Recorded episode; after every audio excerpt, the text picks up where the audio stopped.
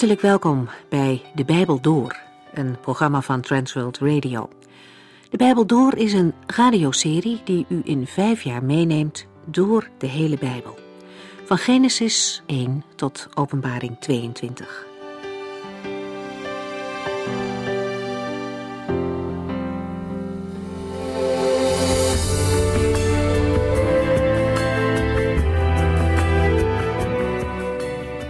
In de vorige uitzending bespraken we het tweede hoofdstuk van 2 Timotheus.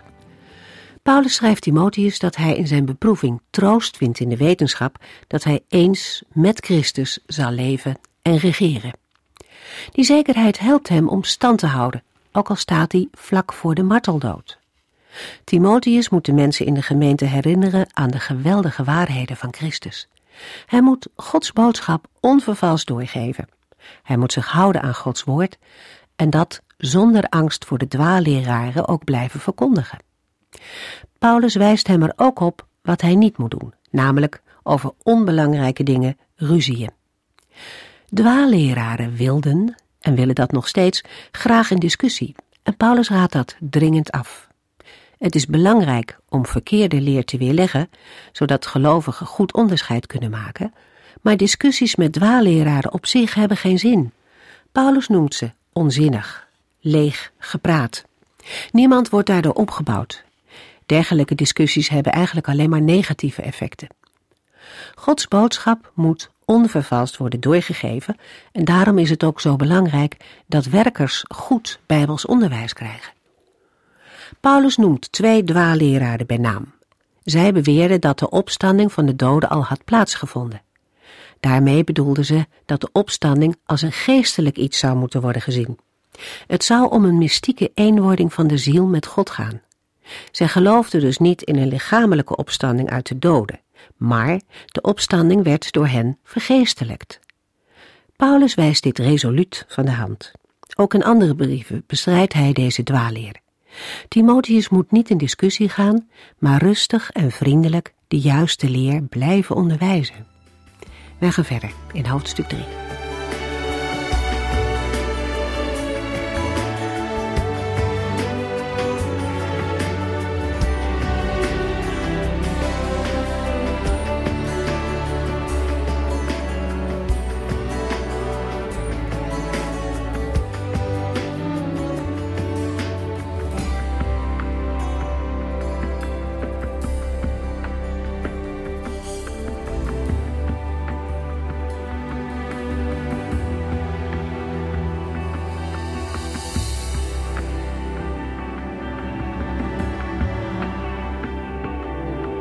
In de vorige uitzending hebben we gelezen dat Paulus zijn medewerker en geestelijke zoon Timotheus verschillende persoonlijke instructies geeft. Als leraar hielp Timotheus mensen die in verwarring waren gebracht over de waarheid.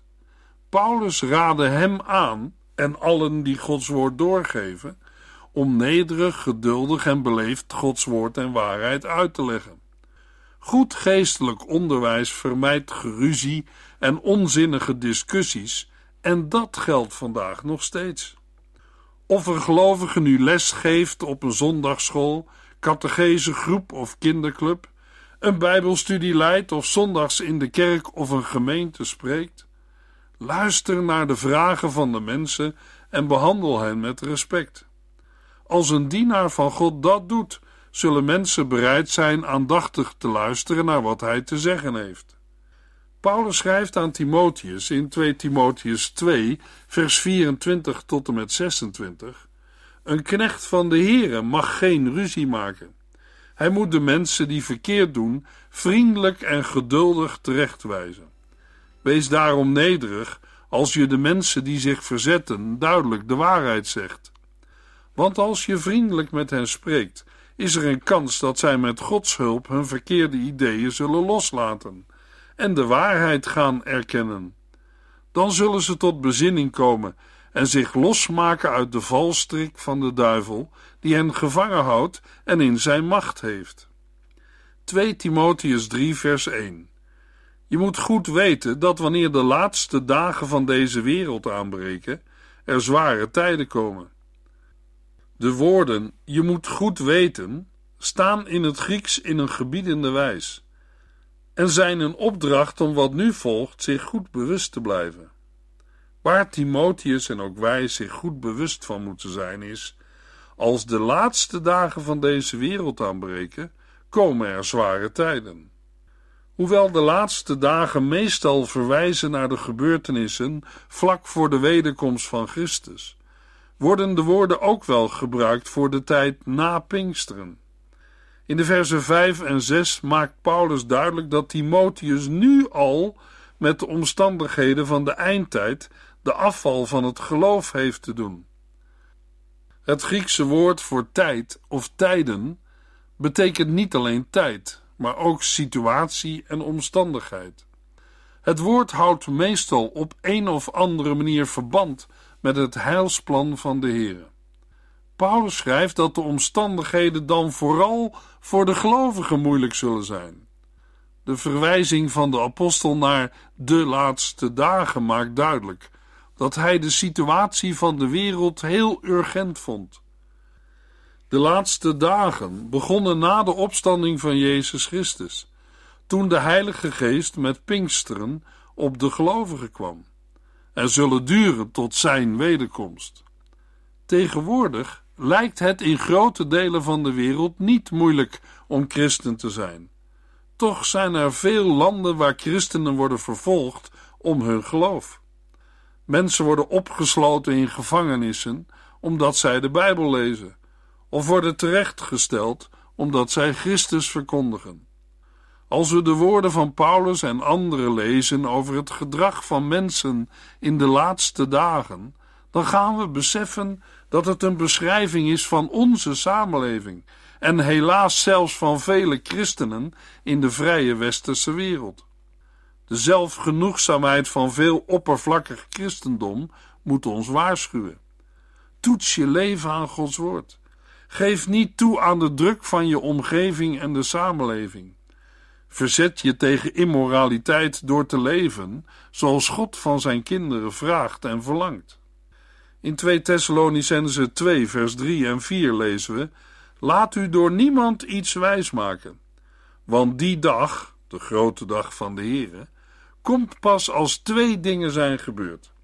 Eerst zal de grote ontrouw aan God komen en daarna zal de mens van zeer grote zonde opstaan, die tot ondergang is gedoemd. Hij zal God uitdagen en alles omverwerpen wat de mensen vereren.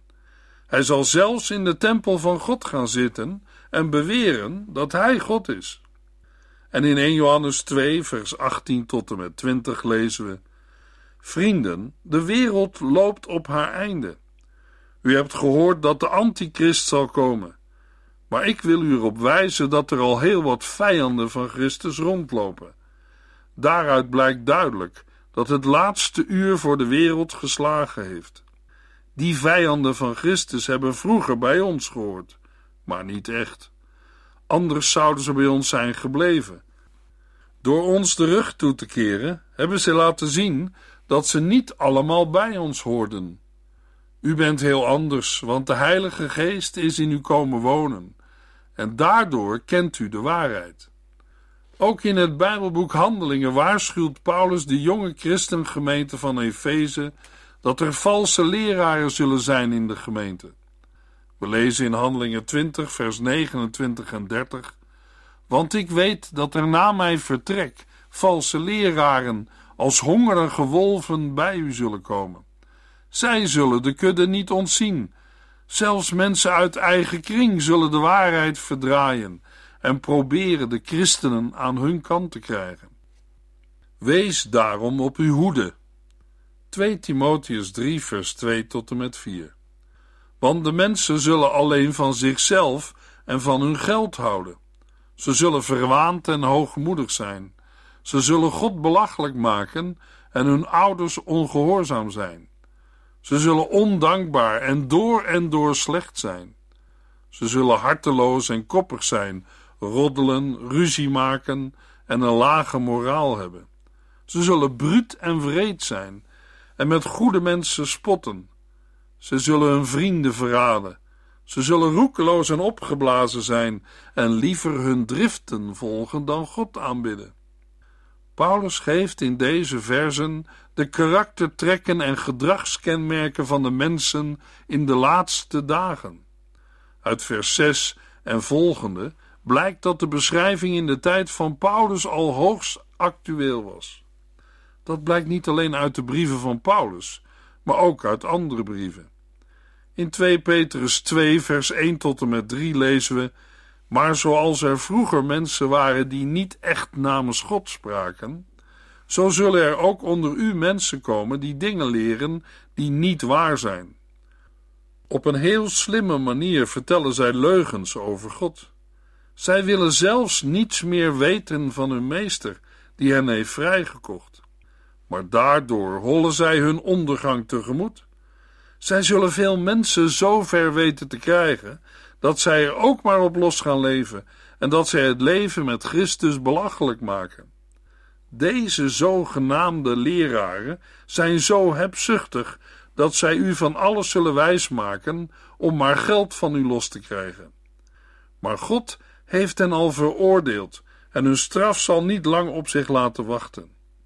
In de brief van Judas, een broer van de Heer Jezus, lezen we in vers 3 en 4: Vrienden, ik was al begonnen u te schrijven over de bevrijding die wij allemaal hebben ervaren. Maar nu zie ik mij genoodzaakt eerst over iets anders te beginnen. Ik roep u op te strijden voor het geloof dat God gegeven heeft aan wie hem toebehoren.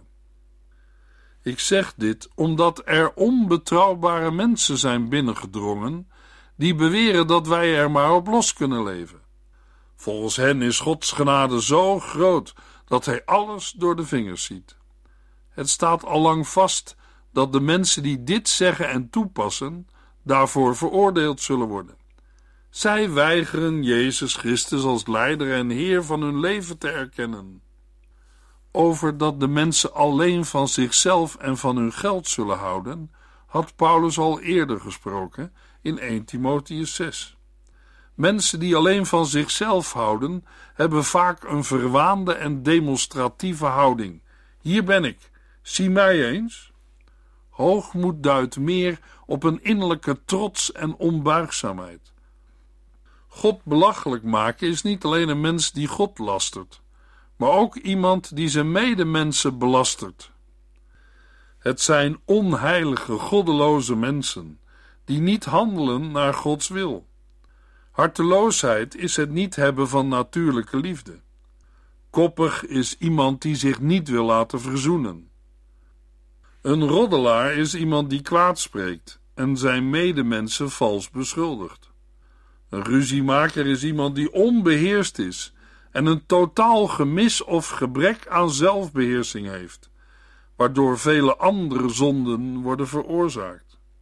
Zelfbeheersing is een belangrijke eigenschap. Bruut en wreed wil zeggen ongecultiveerd, wild en teugeloos. Uit alles blijkt dat fatsoen in de omgang met mensen door de Here wordt gewaardeerd.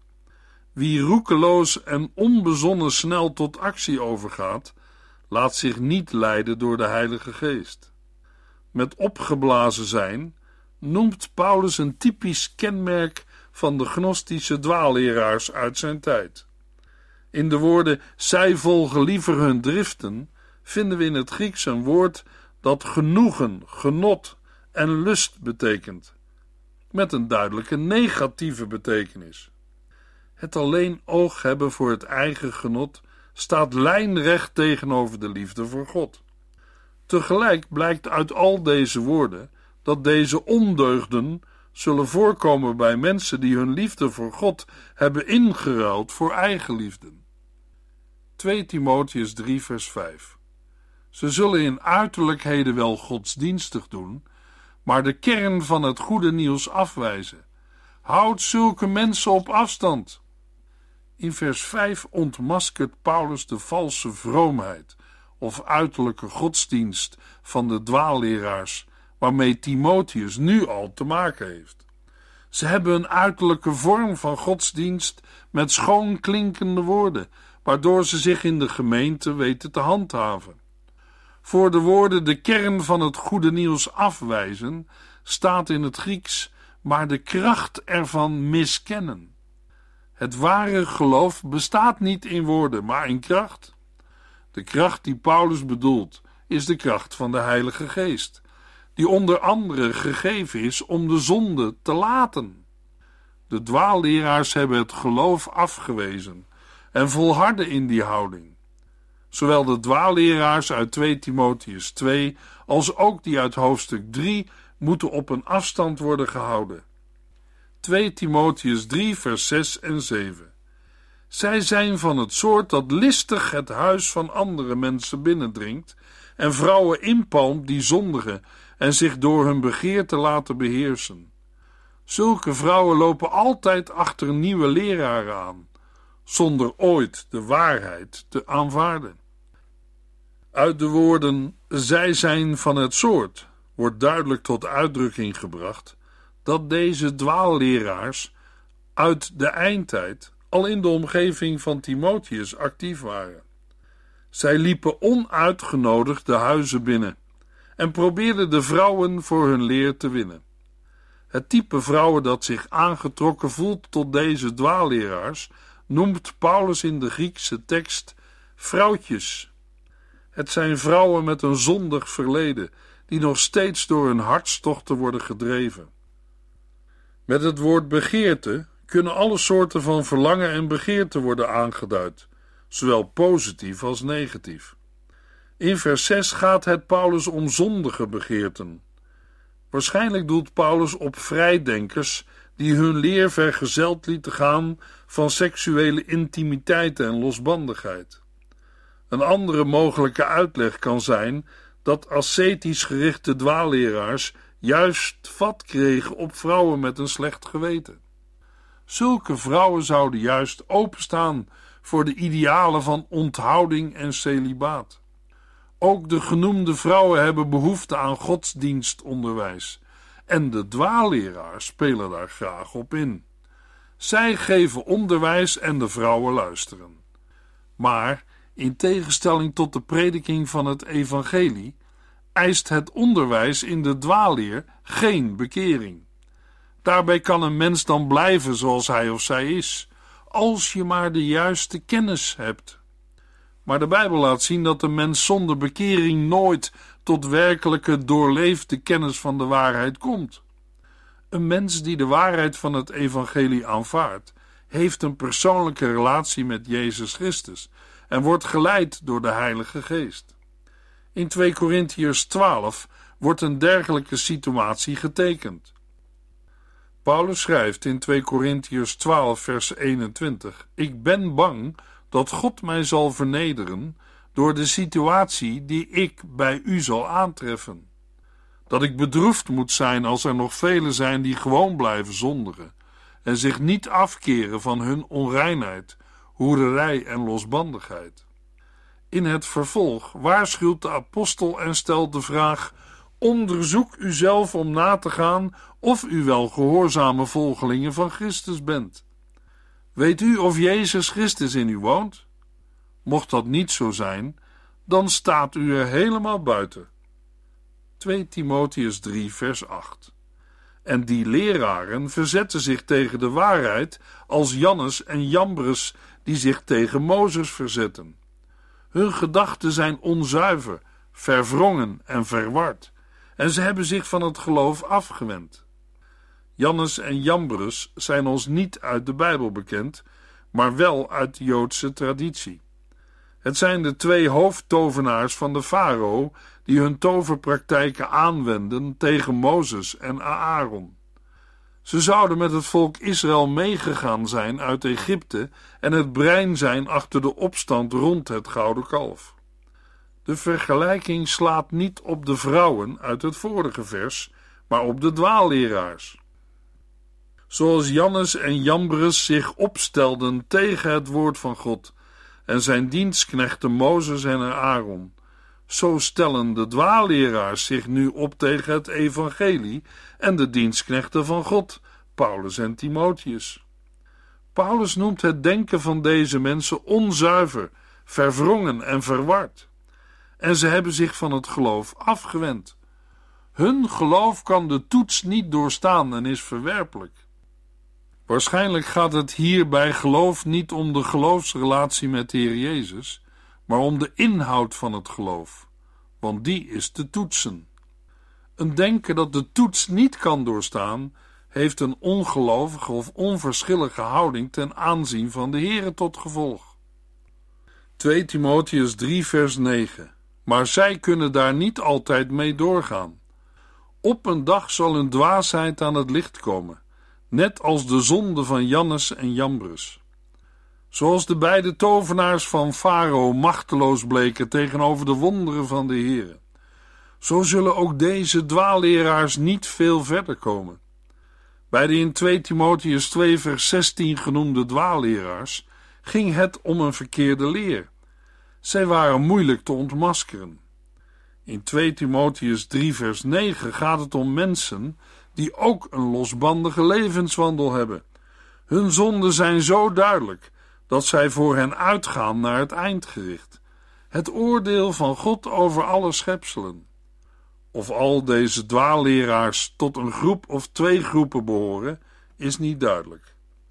2 Timotheus 3 vers 10 Jij echter hebt precies mijn lessen opgevolgd, mijn manier van leven, het doel dat mij voor ogen stond, mijn geloof, mijn geduld, mijn liefde voor de mensen en mijn doorzettingsvermogen.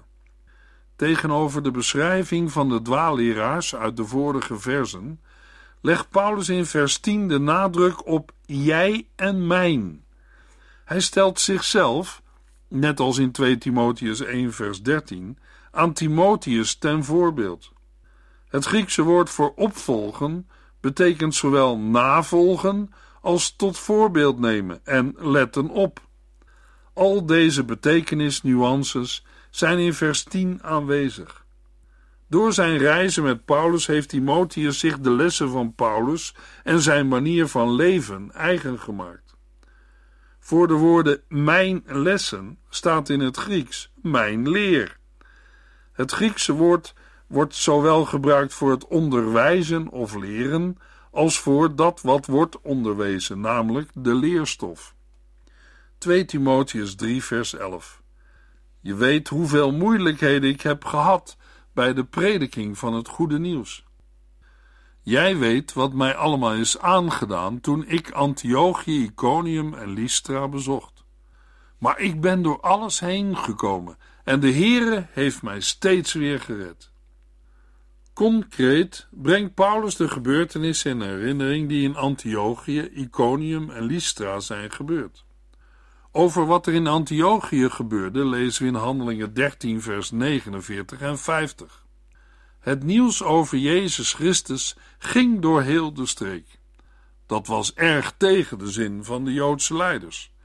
Zij hitsten voorname gelovige vrouwen en het stadsbestuur op en slaagden erin een vervolging tegen Paulus en Barnabas te ontketenen, zodat die uit dat gebied werden verjaagd.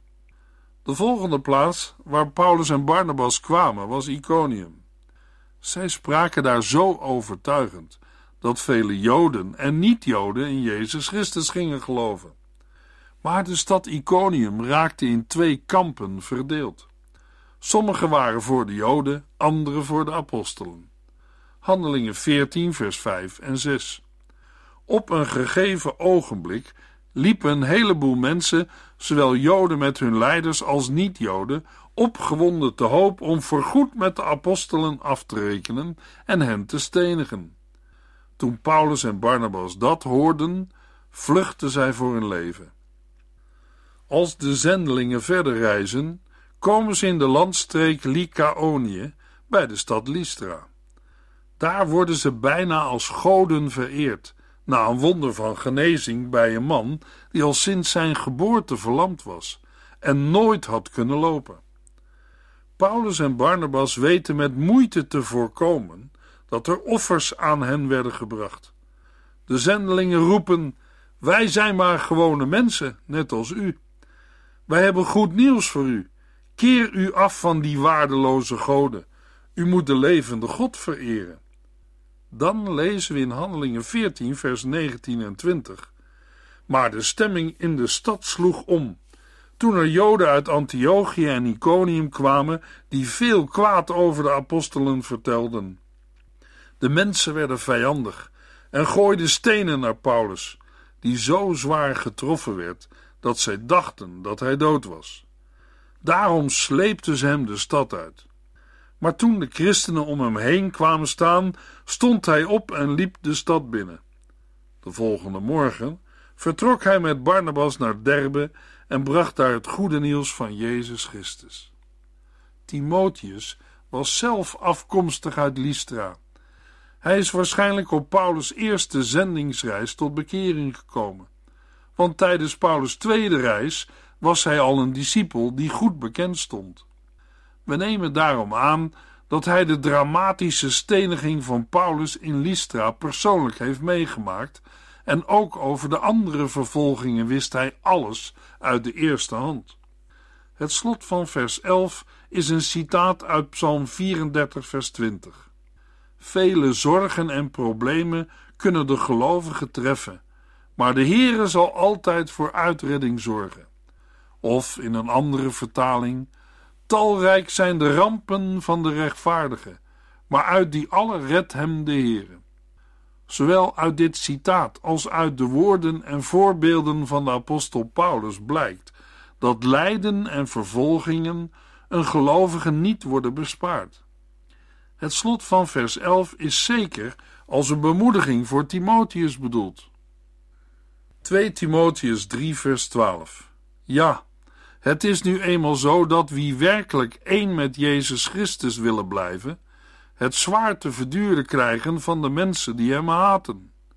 De gedachte dat vervolgingen onvermijdelijk zijn voor ware gelovigen vinden we ook in Handelingen 14 en 1 Thessalonicense 3. Daarbij maakt het niet uit of de vervolgingen van officiële zijde komen, zoals onder keizer Nero, of dat ze een meer incidenteel karakter dragen, zoals bijvoorbeeld in Handelingen 16. In de volgende uitzending lezen we 2 Timotheus 3, vers 8 tot en met 17.